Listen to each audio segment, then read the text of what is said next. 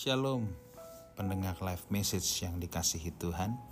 Injil Matius pasal yang pertama ayat yang ke-23. Sesungguhnya anak darah itu akan mengandung dan melahirkan seorang anak laki-laki dan mereka akan menamakan dia Immanuel yang berarti Allah menyertai kita.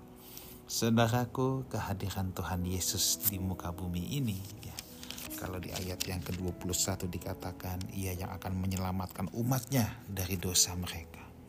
Bukan hanya menyelamatkan umatnya, tetapi ada sebuah janji penyertaan Tuhan. Immanuel, Allah yang menyertai umatnya, Allah yang menyertai kita, Allah yang menyertai orang percaya.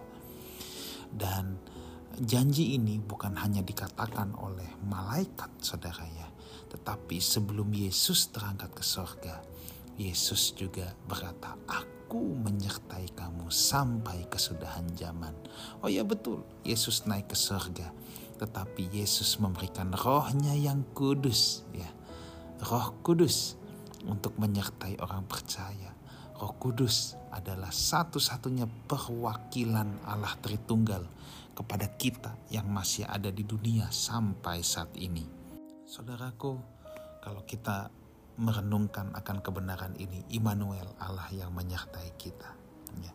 Setidaknya kita harus mengingat beberapa hal bahwa dalam menghadapi seluruh situasi kehidupan ini, seberat apa pun situasi kehidupan yang kita alami, kita harus percaya dan selalu mengingat satu hal bahwa kita tidak sendirian.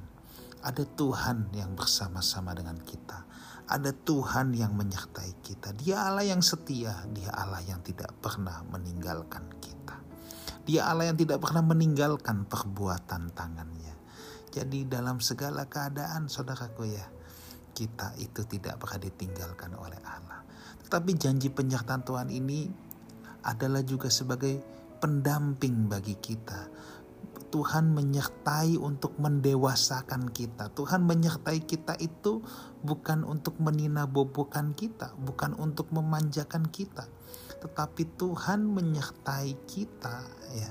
Itu dia juga ingin mendewasakan kita. Tuhan ingin membentuk kita menjadi segambar dan serupa dengan dirinya. Jadi makna Immanuel di sini juga adalah penyertaan Tuhan bagaimana Tuhan memproses orang-orang percaya supaya menjadi bejana yang indah seperti yang diinginkannya. Nah, banyak orang yang kalau mikir Immanuel Allah menyertai kita, itu cuman dalam sisi menghadapi tantangan-tantangan berat dalam hidup ini. Oh ya, saya setuju. Tadi di poin pertama juga sudah saya katakan demikian. Tetapi banyak orang tidak menyadari bahwa Immanuel juga berarti Tuhan mendidik kita, Tuhan mendampingi kita, Tuhan mengajar kita supaya kita menjadi seperti yang Tuhan inginkan. Ya, jadi dalam proses, dalam kesulitan, ada pendewasaan di situ. Itu pun termasuk dari Immanuel. Dia yang menyertai kita. Saudaraku, so jangan gentar, jangan getir, ya, jangan takut akan hidup ini, juga jangan tawar hati ketika kita diproses Tuhan untuk menjadi bejana yang indah. Ya, dia Immanuel, Allah yang menyertai kita. Amin.